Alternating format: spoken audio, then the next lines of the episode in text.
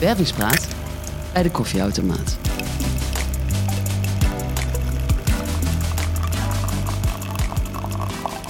Ik zit hier met Ruben en Ruben is data scientist eh, bij Driessen, het uitzendbureau voor de publieke sector.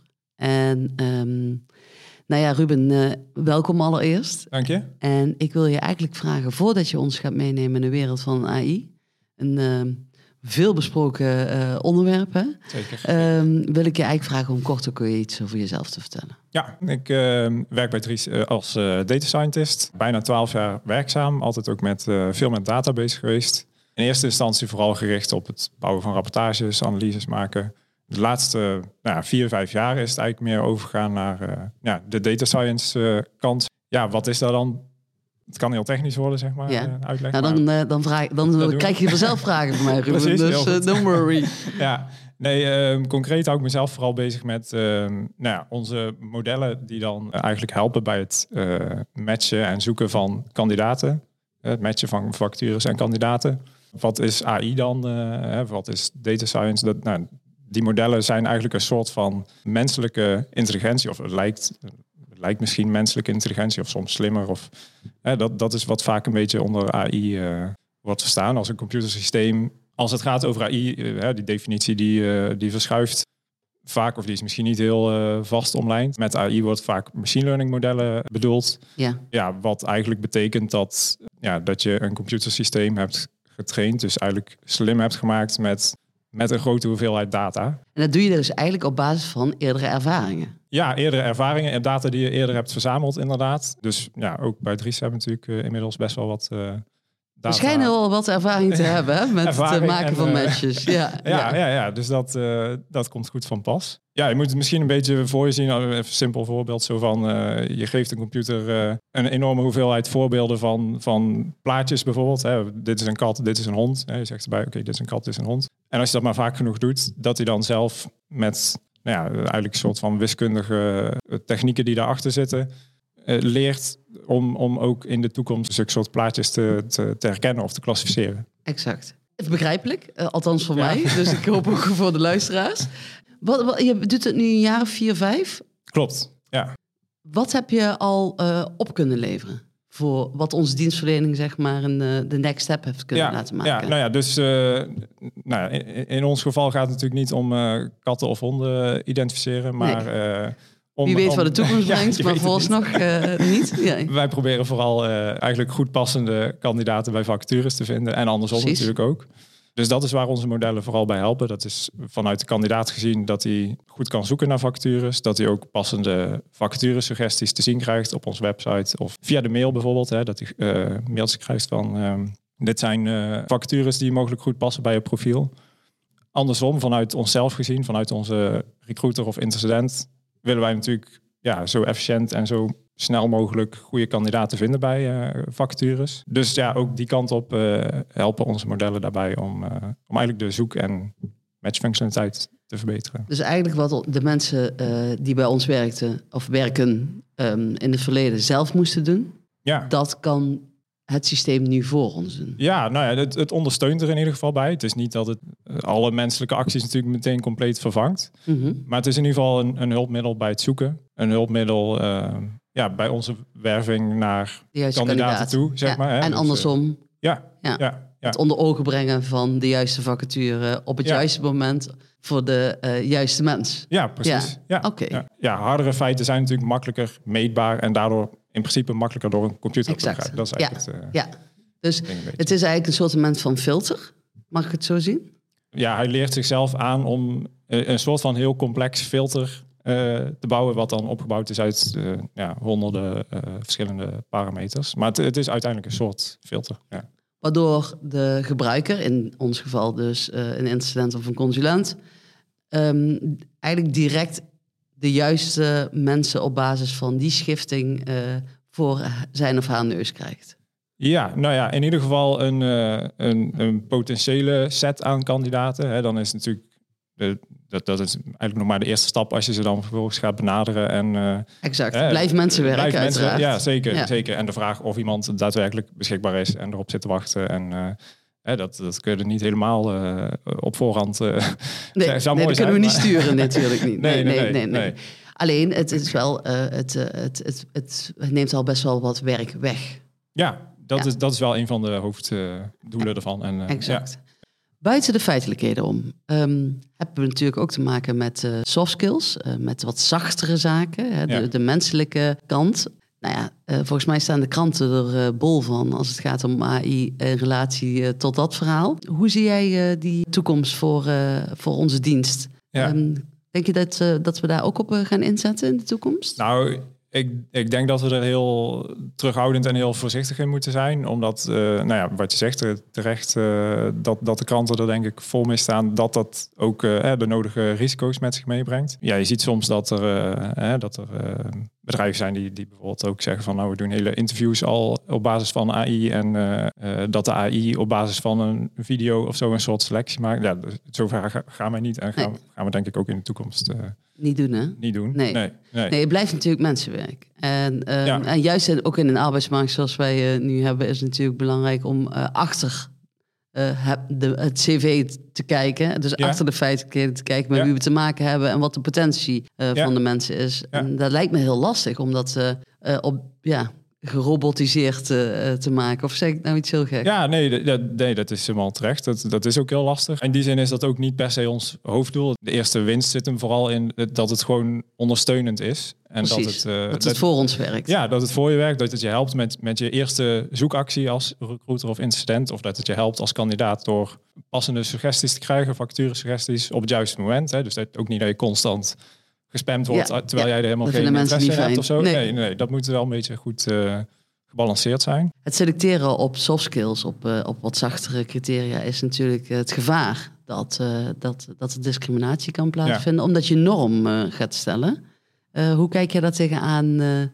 uh, in general, zeg maar, als het gaat om uh, AI? AI in het algemeen. Ja. ja, nou, ik denk dat wel terecht is dat uh, er veel discussie over is de laatste tijd. En dat er, er zijn natuurlijk genoeg voorbeelden geweest dat het misging. Amazon was een bekend voorbeeld van een aantal jaren terug al, volgens mij, dat ze ook in hun sollicitatieproces AI gebruikten om ja, om automatisch al de selectie te doen van kandidaten die gesolliciteerd hadden. En dat er ja, gewoon echt veel te veel in werd meegenomen. En dat achteraf bleek dat het model geleerd had om bepaalde groepen uit te bepaalde sluiten. Groepen uit te sluiten. Ja, ja. Ja dat, dat is natuurlijk een reëel gevaar. Dus je moet er goed mee omgaan. En, en, en dan heeft dat te maken, Ruben, met ervaringen die al eerder zijn gedaan? Ja, nou ja, dat kan inderdaad op een of andere manier wel in je data zitten natuurlijk. Hè. Ook, we weten natuurlijk ook dat mensen ook niet perfect zijn als het gaat om selecteren van kandidaten. En dat daar ook bewust of onbewust vooroordelen in kunnen uh, zitten. Ja, sluipen eigenlijk. Sluipen, ja, zeker, zeker. Dus um, ja, dat is, dat is wel een reëel risico en, en iets wat, wat denk ik goed is als daar ja, goede richtlijnen, goede regelgeving en uh, toezicht op komt. Al denk ik ook dat het heel moeilijk is om het echt goed ja, te kunnen uh, controleren en handhaven. En uh, ja, dus het is gewoon heel lastig. Ja, ja. ja. Nou ja, en ik denk ook wel altijd dat er een menselijk aspect bij moet komen als het gaat om het selecteren van mensen. Zeker, ja. ja. En, dat, en de vraag ophalen. Ja, ja dat, is, dat is ook hoe wij het nu in ieder geval zelf doen. Dus de, de focus van onze eigen modellen is vooral op die meer harde feitelijke... aan de voorkant. Data aan de voorkant, ja. En, en dingen als... Ehm, geslacht, leeftijd, nationaliteit, dat soort dingen. Namen natuurlijk zijn natuurlijk ook uh, gevoelig. Nou, dat nemen we allemaal expliciet niet mee. Ja, die feitelijke dingen die, die hebben we het beste in ons systeem vastgelegd. En daar heeft het model nu ook het meest aan. Dingen als afstand, dat is niet, niet bepaald een ja, hoog risico op discriminatie of, of nou, zo. Bijvoorbeeld, dat, ja. Focus is vooral op afstand, beschikbaarheid. Heeft iemand eerder interesse getoond in vergelijkbare functies? Dat soort kenmerk eigenlijk. Ja. En de uiteindelijke selectie wordt dan ook bij ons altijd gewoon door de, door een mens gedaan. Ja, ja, door een warm mens. Heel goed. Heel goed. Um, als het gaat om uh, ambitie die wij hebben ten aanzien van AI, uh, komt uh, chat GPT daar ook in voor? Ja, dat, daar zijn we natuurlijk zelf ook mee bezig. Daar houden we goed in de gaten. We zijn zelf nu met een paar soort van proefprojectjes bezig, soort van pilots. Kan je er iets meer over Ja, ja nou, een paar voorbeelden misschien. Aan de ene kant om, om onszelf te helpen om vacatureteksten bijvoorbeeld te schrijven. ChatGPT is natuurlijk een tool waarmee je... Uitgelezen kans? Ja, allerlei teksten kunt schrijven of kunt brainstormen of noem maar op. Want ik kan me voorstellen dat, een, dat je chat GPT, moeilijk woord, daar wel voor in kan zetten. Maar dat, je, op, dat het je wederom het voor je laat werken. Waardoor je een basis hebt waarvan je gaat werken. Ja. Hè? Dus dat je het altijd jouw dat je altijd ook weer wederom menselijke aspecten uh, in de etalage zet. In plaats van um, hetgeen wat voor je gedaan wordt. Ja, ja, ja, ja. ik denk dat het ook, uh, nou, zeker bij ons ook zo gaat werken in eerste instantie. Dat, uh, dat ChatGPT gebruikt om wat voorbeelden of ideeën, vertrekpunten, vertrekpunten te hebben. Ja. En dat je daar misschien nog een persoonlijk sausje overheen gooit. Of afhankelijk van, hè, als jij als recruiter met de opdrachtgever hebt gesproken en weet van nou, dit is echt belangrijk. Of hè, dat, je daar wat. Uh, ja. En de Driese stijl niet te vergeten. Dat daar, ook overheen, ja, ja. Eh. Al moet ik zeggen dat ChatGPT me daar ook best wel positief in verbaast. Dat als je maar goed genoeg meegeeft, zeg maar van ik wil een tekst met nou, deze indeling, deze kopjes, deze bullets. En daar gaat hij al best wel goed mee om. Dus dat is wel, ja. Maar je zei net iets heel essentieels. Um, een, een computer kan natuurlijk niet weten wat wij op hebben gehaald bij de opdrachtgever.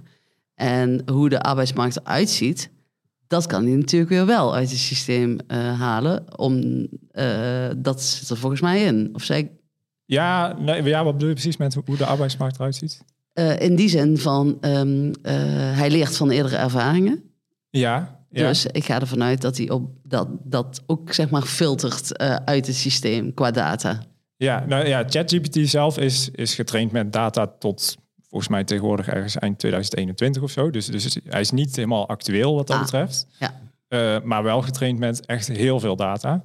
Uh, dus je merkt dat hij wel gewoon goed tekstbegrip heeft. En dat hij goed, uh, daar gebruik ik het eigenlijk ook misschien wel straks voor. Hè, de onze ehm, zoekfunctionaliteiten om die te verbeteren. De, gewoon door het, juiste namen te gebruiken. Ja, ja, ja. En, en, ook allerlei spellingsvarianten van hè, als iemand net iets mistypt of zo. Of, ja, dat, dat doet hij herkent hij best wel goed. Ja. Dus op de vindbaarheid van bepaalde woorden uh, door bepaalde doelgroepen, ja. dat soort zaken, die kennis, die haalt hij natuurlijk wel allemaal uit het systeem. Dat is eigenlijk ook waar ik op doelde. Ja, ja, ja. Maar ik vind het wel interessant wat je zei, dat het um, uh, tot 2021 uh, eh, gaat.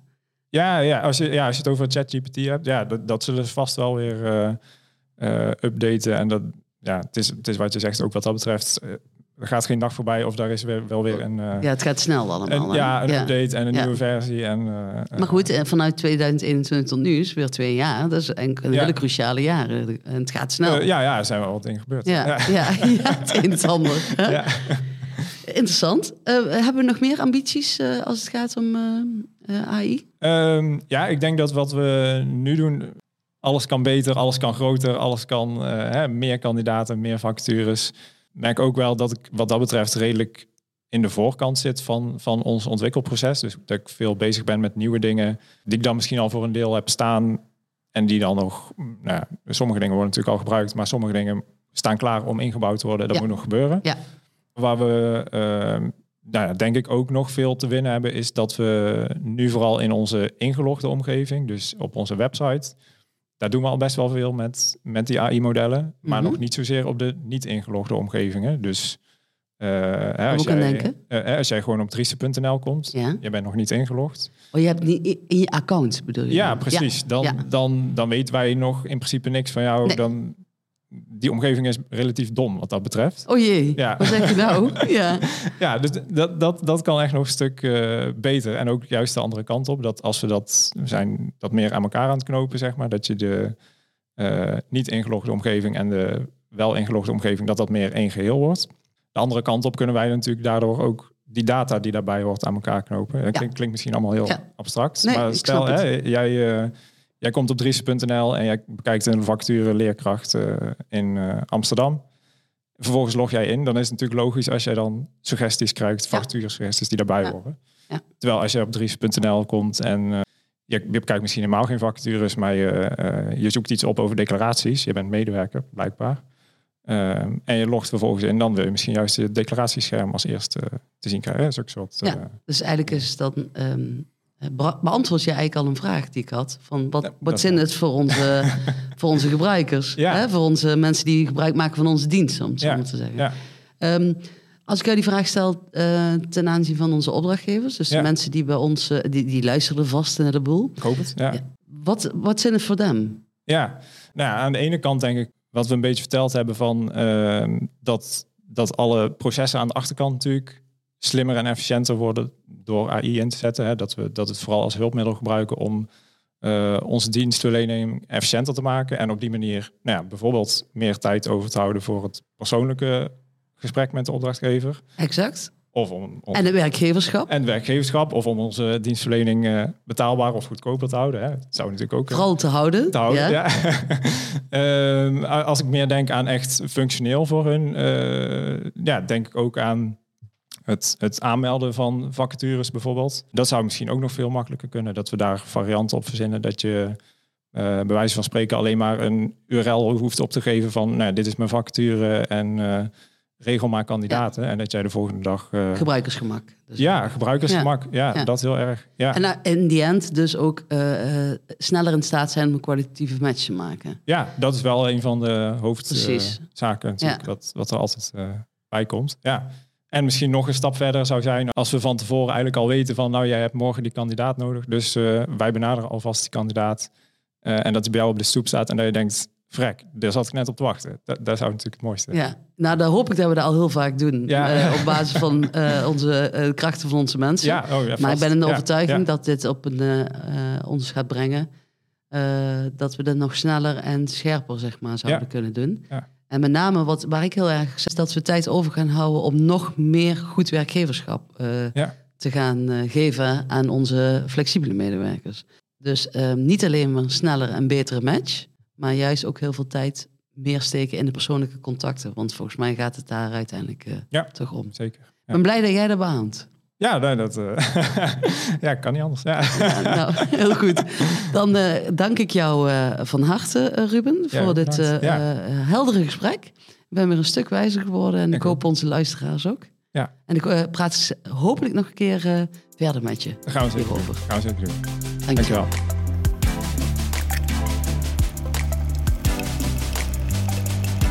Wervingspraat bij de koffieautomaat.